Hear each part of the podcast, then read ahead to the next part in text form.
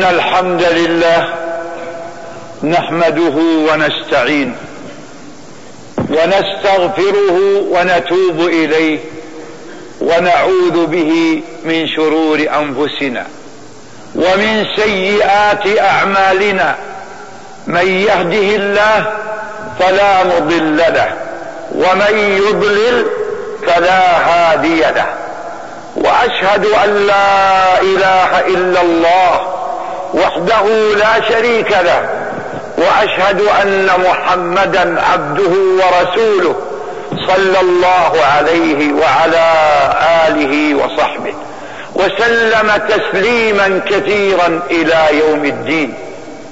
أما بعد فيا أيها الناس اتقوا الله تعالى حق التقوى. عباد الله خلق الله أبانا آدم أبا البشر خلقه الله بيده.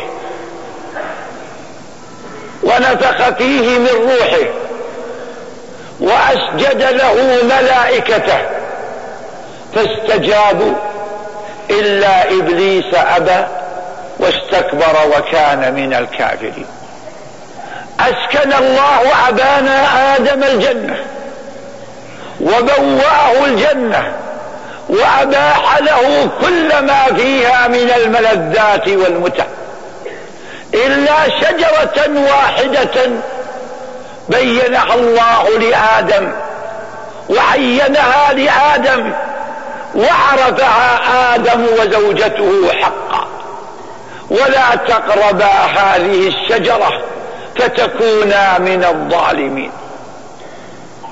ولكن عدو الله إبليس الذي باع باللعنه والطرد من رحمة الله حسد آدم على هذه النعمة حسده أولا فلم يسجد له وتكبر على الله ثم حسده على ما هو فيه من نعمة فسعى في إخراجه من تلك النعمة ونزع تلك النعمة التي كان يعيشها آدم.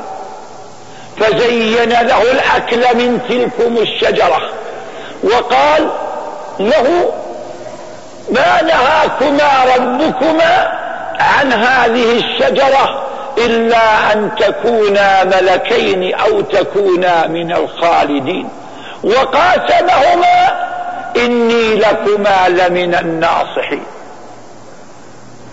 فأكل آدم وزوجته من تلكم الشجرة فأهبط الله آدم وزوجته إلى الأرض. وكان آدم باكل تلك الشجرة قد عصى ربه وعصى آدم ربه ثم ثم غوى. وعصى آدم ربه ثم غوى. ثم اجتباه ربه فتاب عليه وهدى.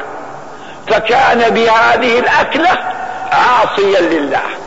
إلا أن الله جل وعلا تدارك أبانا آدم فشرع له التوبة والإنابة إليه والرجوع إليه فتلقى آدم من ربه كلمات فتاب عليه إنه هو التواب الرحيم. أرشد آدم وزوجته إلى أن يقولا ربنا ظلمنا أنفسنا وإن لم تغفر لنا وترحمنا لنكونن من الخاسرين. ولما كان أكل آدم من تلكم الشجرة وخطيئته من باب الشهوة فتابا إلى الله فقبل الله توبتهما. أما عدو الله إبليس فكان ذنبه مصدره الكبر والتعاظم والإعجاب فلم ينفعه كل شيء فباء بلعنة الله والطرد من رحمته. أيها المسلم كلنا خطأ وخير الخطائين التوابون. كلنا مصدر خطأ والمعصوم منا من عصم الله. كلنا خطاء بأقوالنا وأفعالنا. ولكن الموفق منا من الله في عيوبه من بصره الله في عيوبه وهداه إلى تصور أخطائه فعلم أنه مخطئ وعاصي ومرتكب ما حرم الله فتاب إلى الله وأناب إليه واستغفره مما وقع منه من خطأ وزلل أيها المسلم ليس الخطأ بمجرده عيبا إنما العيب الإصرار على الأخطاء مع علمها. إنما المصيبة التمادي في الطغيان والمخالفات. وأن لا يرعو الإنسان ولا يتوب إلى ربه. إن الله جل وعلا من فضله على هذه الأمة. جعل لهم جعل لهم طريقا يتخلصون به من المخالفات يتخلصون به من التبعات. ألا وهو باب التوبة الذي شرعه لهم والذي شرعه لهم ورغبهم فيه. أخي المسلم لقد كان من قبلنا من الأمم. عندما يذنب العبد ذنبا فذنبه يكتب على بابه أخطأ فلان يوم كذا وكذا. وإن تاب محي ذنبه. وكانت توبة بني إسرائيل لما عبدوا العجل أن أمرهم الله أن يقتل بعضهم بعضا. أن يقتل بعضهم بعضا. ففعلوا فتاب الله عليهم. وإذ قال موسى لقومه يا قوم إنكم ظلمتم أنفسكم باتخاذكم العجل. فتوبوا إلى بارئكم فاقتلوا أنفسكم. ذلكم خير لكم عند بارئكم أما أمة محمد صلى الله عليه وسلم فتوبتهم إقلاع من الذنب وندم على ما مضى وتوبة إقلاع من ذنب وتوبة على عما مضى. إقلاع من الذنب وندم على ما مضى. إقلاع من الذنب وندم على ما مضى. وعقيدة جازمة ألا يعود إلى مثل هذا الخطأ. أيها المسلم والتوبة بابها عظيم وفضلها كبير وقد رغبنا الله فيها وبين لنا فضلها وآثارها الحميدة. أخي المسلم إن الله من رحمته بنا يحب توبة التائب منا. قال جل وعلا إن الله يحب التوابين ويحب المتطهرين. أخي المسلم إن التوبة تمحو كل الخطأ وتغسل الذنوب وتزيل آثارها. وقد وصف الله المتقين بالتوبة إليه. والذين إذا فعلوا فاحشة أو ظلموا أنفسهم ذكروا الله فاستغفروا لذنوبهم ومن يغفر الذنوب إلا الله ولم يصروا على ما فعلوا وهم يعلمون. أخي المسلم التوبة مقبولة من كل الذنوب ماحية للذنوب قليلها وكثيرها. وقد عرض الله التوبة على أنواع الإجرام وأنواع المخالفات فمن تاب إلى الله تاب الله عليه. أخي المسلم إن الله أمر بالتوبة أمر أهل الإيمان بالتوبة إليه فقال وتوبوا إلى الله جميعا أيها المؤمنون لعلكم تفلحون. أخي المسلم التوبة مقبولة منك. ما دمت في ما دمت في وقت الإمهال. قبل أن تبلغ الروح الحلقوم وقبل طلوع الشمس من مغربها فتوبتك مقبولة من رب العالمين. فابشر بقبولها يا أخي فإن الله يحب أن يتوب على عباده. خلق ما خلق الله الخلق كتب كتابا موضوعا عنده فوق العرش. إن رحمتي سبقت غضبي.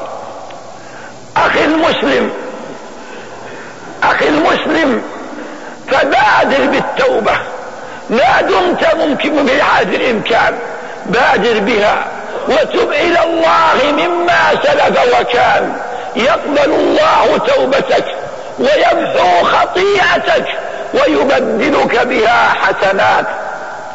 أخي المسلم إن الله عرض التوبة على أهل الاجرام على اختلاف جرائمهم وعظيم أخطائهم إذ التوبة تمحو ما قبلها.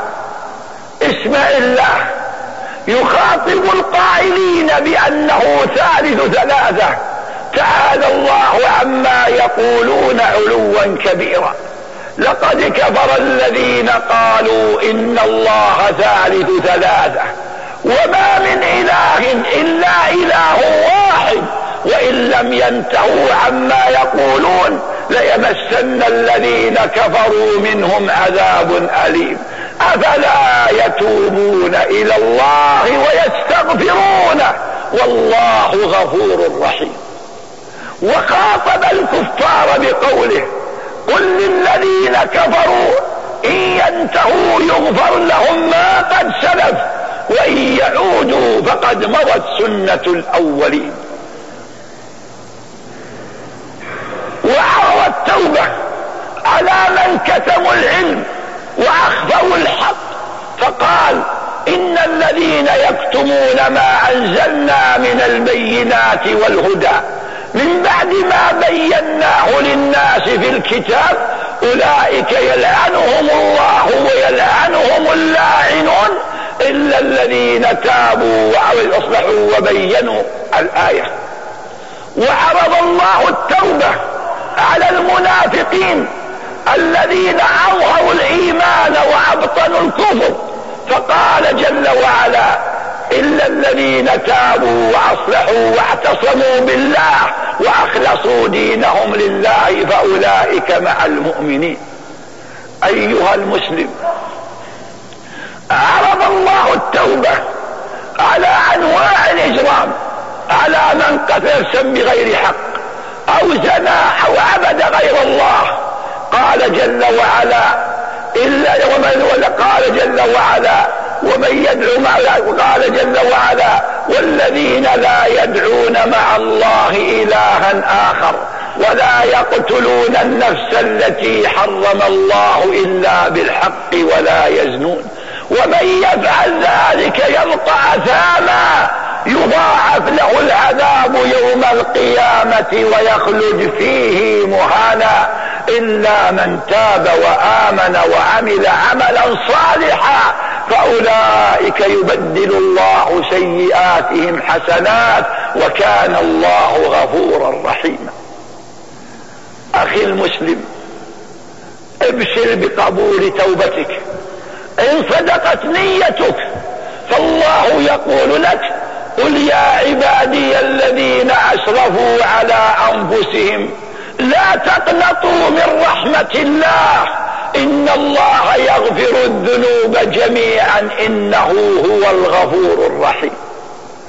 أخي المسلم لا يخلو أحد منا من ذنب ارتكبه سواء فيما بينه وبين الله أو فيما بينه وبين عباد الله. فيا أخي فيا من زلت قدمه في أي جريمة ما من الجرائم أو كبيرة من الكبائر فتب إلى الله منها واستغفر الله وأنب إليه واسأله أن يتوب عليك ويقبل توبتك ويمحو ذلتك. أيها المسلم أيها المسلم لا تستعظم الذنب مهما بلغ. فإن الله يغفره لمن تاب إليه. يقول صلى الله عليه الحديث القدسي يقول الله يا ابن آدم إنك ما دعوتني ورجوتني غفرت لك على ما كان منك ولا أبالي. يا ابن آدم لو بلغت ذنوبك عنان السماء ثم استغفرتني غفرت لك. يا ابن آدم لو أتيتني بقراب الأرض خطايا ثم لقيتني لا تشرك بي شيئا لأتيتك بقرابها مغفرة.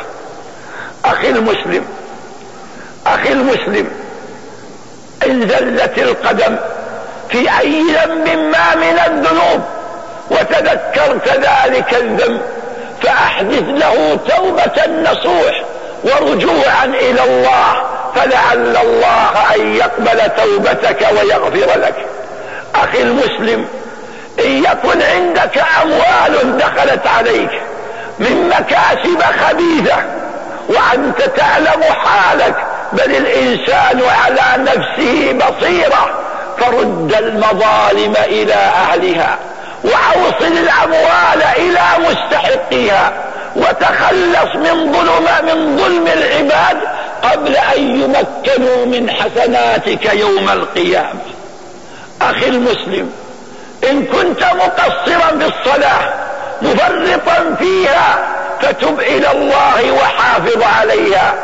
إن كنت مخلا بالزكاة أو متهاونا بزكاة أموال مضت فتدارك نفسك وعد زكاة الأموال كاملة فلعل الله أن يقبل توبتك. إن كنت عاقا لوالديك مسيعا للتعامل معهما فتب إلى الله وعد إلى رشدك وبرهما بعدما كنت عاقا لهما وعرضهما بعدما أسخطتهما فعسى الله أن يقبل توبتك. إن كنت قاطعا لرحمك مبتعدا عنهم فتب إلى الله وصل ذلك الرحم وتقرب إلى الله بذلك. إن كنت ظلمت مخلوقا في أمر ما من الأمور انتهكت عرضه وقلت فيه ما هو براء منه أو اتهمته بما الله يعلم براءته منه أو اعترضت له في أمر من الأمور وسعيت في إلحاق الضرر به فتدارك نفسك وأصلح الخطأ وحاول التخلص من المظالم قبل أن تلقى الله. أخي المسلم نحن اليوم في اليوم الحادي والعشرين من شهر رمضان في يوم الجمعة الحادي والعشرين من شهر رمضان في تلكم الأيام والليالي المباركة الفاضلة.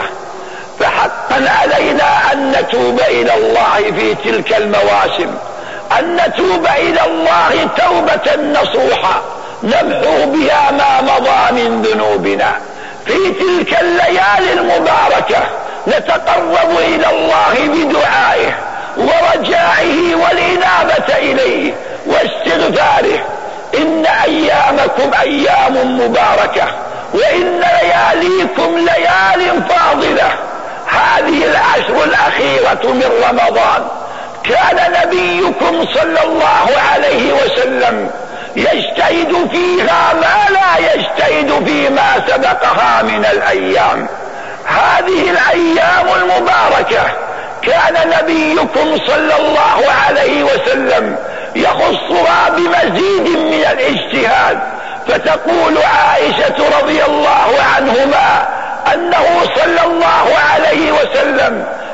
يخلط العشرين الأول بصلاة ونوم فلما إذا كان العشر شد مئزره وأيقظ أهله وأحيا ليله وأيقظ أهله وأحيا ليله فكان يشد مئزره فيعتزل النساء تفرغا للعبادة وكان يحيي ليله بالصلاة وتلاوة القرآن وذكر الله وكان يوقظ أهله وينبئهم على هذا الفضل ويرشدهم إلى هذا الفضل العظيم.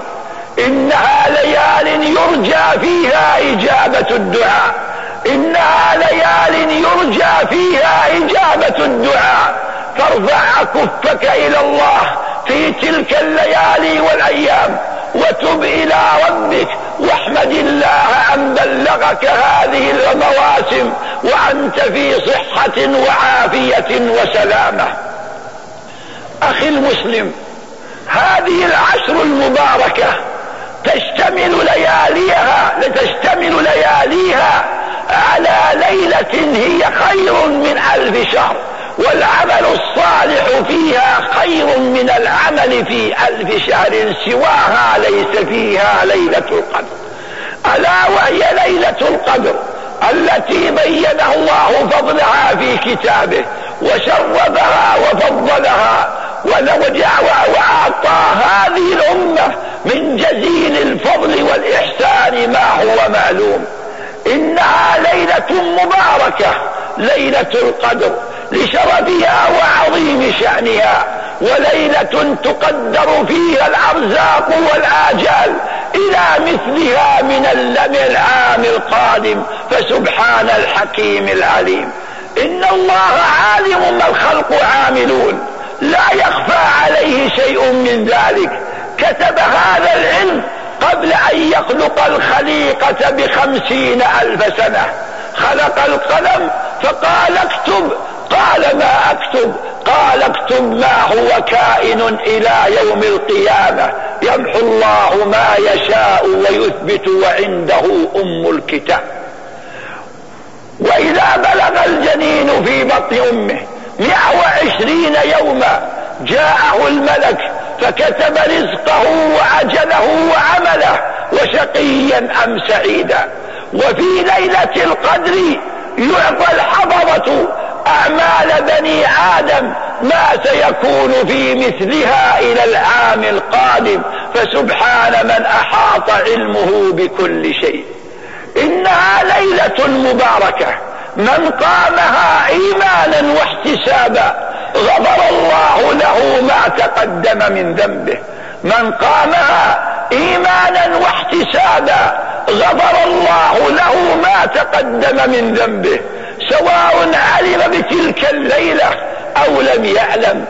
إن النصوص من سنة محمد صلى الله عليه وسلم دلت على أنها في العشر وفي بعض أنها في ليالي العشر ودلت على أن الاوتار هو أفضل من اشفاعه وان الاوتار أفضل من الاشفاع ودل على أنها تلتمس في السبع البواقي أو في الخمس البواقي أو في آخر ليلة.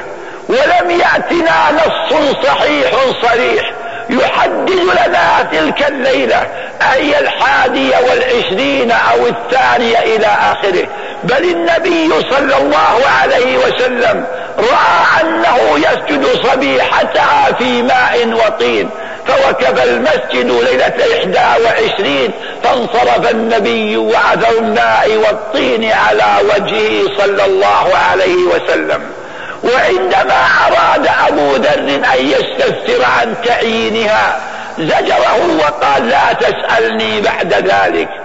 أيها الإخوة هذه الليلة المباركة التي من قامها إيمانا واحتسابا غفر الله له تلتمس في العشر الأخيرة من رمضان. فجدوا واجتهدوا في تحصيلها. عسى أن توفقوا لذلك بتوفيق من الله. في كل هذه الليالي جدوا واجتهدوا. واسألوا الله العفو والعافية والتجاوز. سألت عائشة النبي صلى الله عليه وسلم إن أدركت ليلة القدر ما أقول قال قولي اللهم إنك عفو تحب العفو فاعف عني. اللهم إنك عفو تحب العفو فاعف عني. إخواني هذه عشر الأخيرة من رمضان فحري بنا أن لا يفوتنا هذا الفضل وأن لا نخسر هذا الفضل بالتهاون والكسل واللعب واللهو والاشتغال عن مواسم الخير بما لا يعود علينا بالنفع وإنما رقوب منا أن نشتغل بما ينفعنا ويعود علينا بالخير في حاضرنا ومستقبلنا. أيها المسلم الأخطاء كثير الخطأ كثير والذنوب عظيمة ورحمة أرحم الراحمين أوسع كل شيء ورحمتي وسعت كل شيء. فلنجد ونجتهد لعل الله أن يشملنا بعموم فضله وإحسانه. أيها الإخوة ليلة القدر في العشر الأخيرة من رمضان ليلة القدر في الأوتار ليلة القدر في السبع أو, الخمس البواقي أو آخر ليلة ليلة القدر لم تحدد لها ليلة معينة. لكن للأسف الشديد لكن للأسف الشديد وسائل الاتصال الجوالي أحدث فيها بعضهم مقالا خاطئا وقال إن ليلة القدر تتعين هذه السنة في مساء الاثنين ليلة الثلاثاء خمسة وعشرين من الشهر. لماذا هذا القطع والجزم قال مراء رؤيت تعد وتكررت قطعنا حقا أنها ليلة خمس وعشرين إنها لأقوال خاطئة وأقوال مجانبة للصواب إذا كان سيد الأولين والآخرين محمد بن عبد الله صلى الله عليه وسلم يقول لما تلاحى عنده رجلان من أصحابه إني نسيتها إني أنسيتها ولم يبينها أفيستطيع أحد أن يقول إني أدرك ليلتها ومحمد صلى الله عليه وسلم لم يوضح ليلتها فلما هذا التكلم ولما هذا التنطع ولما هذا الافتراء؟ إن, إن لله حكمة في إخفاء تلك الليلة حكمة عظيمة فمنها أن, أن إخفاءها لأن, أن في إخفائها حثا للاجتهاد ومن كان صادقا في طلبها جد واجتهد ممن كان كسلانا غافلا. إن إخفاءها فيه خير عظيم ليجتهد العباد في هذه الليالي المباركة ويجدوا ويجتهدوا وتظهر قوة العزيمة والرغبة في الخير. فلهذا أخفي عنا ولم يحدد لنا ليلة معينة. فنرجو الله أن نوفق في هذه الليالي لكل خير. وأن نكون وإياكم من السعداء الأبرار المقبول عملهم بفضله ورحمته. إنه على كل شيء قدير. أعوذ بالله من الشيطان الرجيم. بسم الله الرحمن الرحيم. حاميم. والكتاب المبين.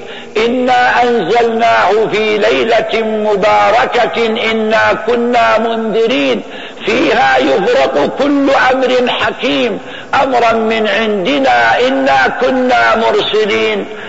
بارك الله لي ولكم في القرآن العظيم ونفعني وإياكم بما فيه من الآيات والذكر الحكيم. أقول قولي هذا وأستغفر الله العظيم الجليل لي ولكم ولسائر المسلمين من كل ذنب. فاستغفروه وتوبوا إليه. إنه هو الغفور الرحيم. الحمد لله حمدا كثيرا طيبا مباركا فيه. كما يحب ربنا ويرضى. وأشهد أن لا إله إلا الله وحده لا شريك له. وأشهد أن محمدا عبده ورسوله صلى الله عليه وعلى آله وصحبه. وسلم تسليما كثيرا إلى يوم الدين. أما بعد فيا أيها الناس اتقوا الله تعالى حق التقوى. عباد الله هذا شهر رمضان. شهر أوله رحمة وشهر أوسطه مغفرة وشهر وشهر أوله رحمة وأوسطه مغفرة وآخره عتق من النار. إن آخره عتق من النار. لمن تقرب إلى الله فيه بصالح الامل لمن تاب إلى الله من ذنبه وزلله. لمن استغفر الله وتاب إليه. إن محمدا صلى الله عليه وسلم أتقى الناس لله وأشدهم خوفا من الله وأعظمهم حبا لله. يقول صلى الله عليه وسلم أيها الناس توبوا إلى ربكم فإني أستغفر الله في اليوم أكثر من سبعين مرة. وفي لفظ أنه قال إني لأستغفر الله في اليوم مئة مرة. فإذا كان هذا المغفور له ما تقدم من ذنبه وما تأخر هذا استغفاره وتوبته وإنابته فكيف حالنا وقد تحملنا من الأوزار والآثام ما الله به عليم. فعلينا جميعا أن نتوب إلى الله وعلينا أن ننيب إليه وعلينا أن نسعى في ختام شهرنا بأعمال صالحة لعلنا أن نستدرك بها ما وقع منا من تقصير في أول هذا الشهر. فعلينا الجد والاجتهاد والتوبة إلى الله وإحياء هذه الليالي بما نستطيع والحرص على الصلاة آخر الليل. فعسى الله أن يجعل في ذلك منفعة لنا وسببا لصلاح قلوبنا وأعمالنا. أسأل الله لي ولكم التوفيق والهداية لكل خير. إنه على كل شيء قدير. واعلموا رحمكم الله أن أحسن الحديث كتاب الله وخير الهدي هدي محمد صلى الله عليه وسلم وشر الأمور محدثاتها وكل بدعة ضلالة وعليكم بجماعة المسلمين فإن يد الله على الجماعة ومن شد شد في النار وصلوا رحمكم الله على نبيكم محمد صلى الله عليه وسلم كما أمركم بذلك ربكم. قال تعالى إن الله وملائكته يصلون على النبي. يا أيها الذين آمنوا صلوا عليه وسلموا تسليما. اللهم صل وسلم وبارك على عبدك ورسولك محمد. وارض اللهم عن خلفائه الراشدين. أبي بكر وعمر وعثمان وعلي وعن سائر أصحاب نبيك أجمعين وعن التابعين وتابعيهم بإحسان إلى يوم الدين وعنا معهم بعفوك وكرمك وجودك وإحسانك يا أرحم الراحمين اللهم أعز الإسلام والمسلمين وأذل الشرك والمشركين ودمر أعداء الدين وانصر عبادك الموحدين واجعل اللهم هذا البلد آمنا مطمئنا وسائر بلاد المسلمين يا رب العالمين. اللهم آمنا في أوطاننا وأصلح أئمتنا وولاة أمرنا. اللهم وفقهم لما فيه صلاح الإسلام والمسلمين. اللهم وفق إمامنا إمام المسلمين عبد الله بن عبد العزيز لكل خير. اللهم وفقه لكل خير. اللهم سدده في أقواله وأعماله. اللهم وفقه للصواب. اللهم أمده بعونك وتوفيقك وتأييدك. اللهم كلل مساعيه بالنجاح. اللهم وحد به شمل الأمة واجمع به كلمتها على الخير إنك على كل شيء قدير. اللهم وفق ولي عهده سلطان بن عبد العزيز لكل خير. اللهم أعنه على كل خير. اللهم وفقه للصواب إنك على كل شيء قدير. واجعلهم أعوانا على البر والتقوى إنك على كل شيء قدير. اللهم اجعلنا ممن صام رمضان إيمانا واحتسابا. اللهم اجعلنا ممن صام رمضان إيمانا واحتسابا. اللهم اجعلنا ممن صام رمضان إيمانا واحتسابا. يرجو رحمتك ويخاف عذابك. اللهم اجعل لنا في هذه الليالي المباركات أوفر حظ ونصيب. اللهم اجعل لنا في هذه الليالي المباركة أوفر حظ ونصيب. اللهم اجعلنا فيها ممن غفرت ذنبه. اللهم اجعلنا فيها ممن غفرت ذنبه. وسترت عيبه وأقلت عثرته. وسترت عيبه وأقلت عثرته. وقبلت عمله. وتفضلت عليه فأعتقته من النار. اللهم اجعل لنا في هذه الليالي المباركة أوفر حظ ونصيب. اللهم اجعلنا فيها ممن غفرت ذنبه وسترت عيبه وأقلت عثرته وقبلت عمله وتكرمت عليه فأعتقته من النار. اللهم رحمتك أرجى من أعمالنا. اللهم مغفرتك أوسع من ذنوبنا. اللهم عبادك الفقراء إليك يرجون رحمتك فأنت أرحم الراحمين. اللهم عبادك فقراء إليك يرجون رحمتك فأنت أرحم الراحمين. اللهم كما بلغتنا صيام هذا الشهر وقيامه اللهم كما بلغتنا صيامه وقيامه فوفقنا في آخره لما يرضيك. اللهم اختم بالصالحات أعمالنا. اللهم اختم بالصالحات أعمالنا. اللهم اغفر لأمهاتنا. اللهم اغفر لأمهاتنا. اللهم اغفر لأمهاتنا. اللهم اغفر لآبائنا. اللهم أصلح ذرياتنا. اللهم اهدنا سواء السبيل. اللهم إنا نعوذ بك من زوال نعمتك. ومن تحول عافيتك ومن فجاءات نقمتك ومن سائر سخطك. اللهم ارحمنا برحمتك يا أرحم الراحمين. اللهم ارحمنا برحمتك يا أرحم الراحمين. اللهم ارحمنا برحمتك يا أرحم الراحمين. اللهم اجعل اجتماعنا اجتماعا مباركا مرحوما. واجعل تفرقنا بعده تفرقا معصوما ولا تجعل فينا شقيا ولا محروما. اللهم اجعلنا من الفائزين برضوانك الناجين من عذابك إنك ولي ذلك والقادر عليه. يا حي يا قيوم يا ذا الجلال والإكرام. ربنا اغفر لنا ولإخواننا الذين سبقونا بالإيمان. ولا تجعل في قلوبنا غلا للذين آمنوا. ربنا إنك رؤوف رحيم. ربنا ظلمنا أنفسنا وإن لم تغفر لنا وترحمنا لنكونن من الخاسرين.